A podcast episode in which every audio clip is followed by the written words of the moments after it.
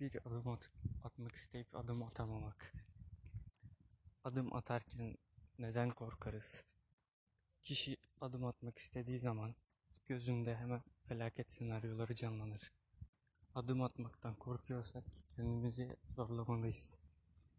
Kendimizi ne kadar ona mecbur bırakırsak bir şekilde illaki alışacağızdır. Bunun çeşitli sebepleri olabilir. Geçmişte yaşadığınız travmalar, çevreniz ve benzeri durumlar sizde bir hasara yol açmış olabilir. Peki bundan kurtulmak mümkün mü?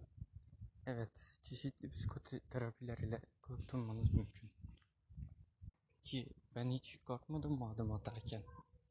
Evet, korktum ve zaten şu anda gerginim.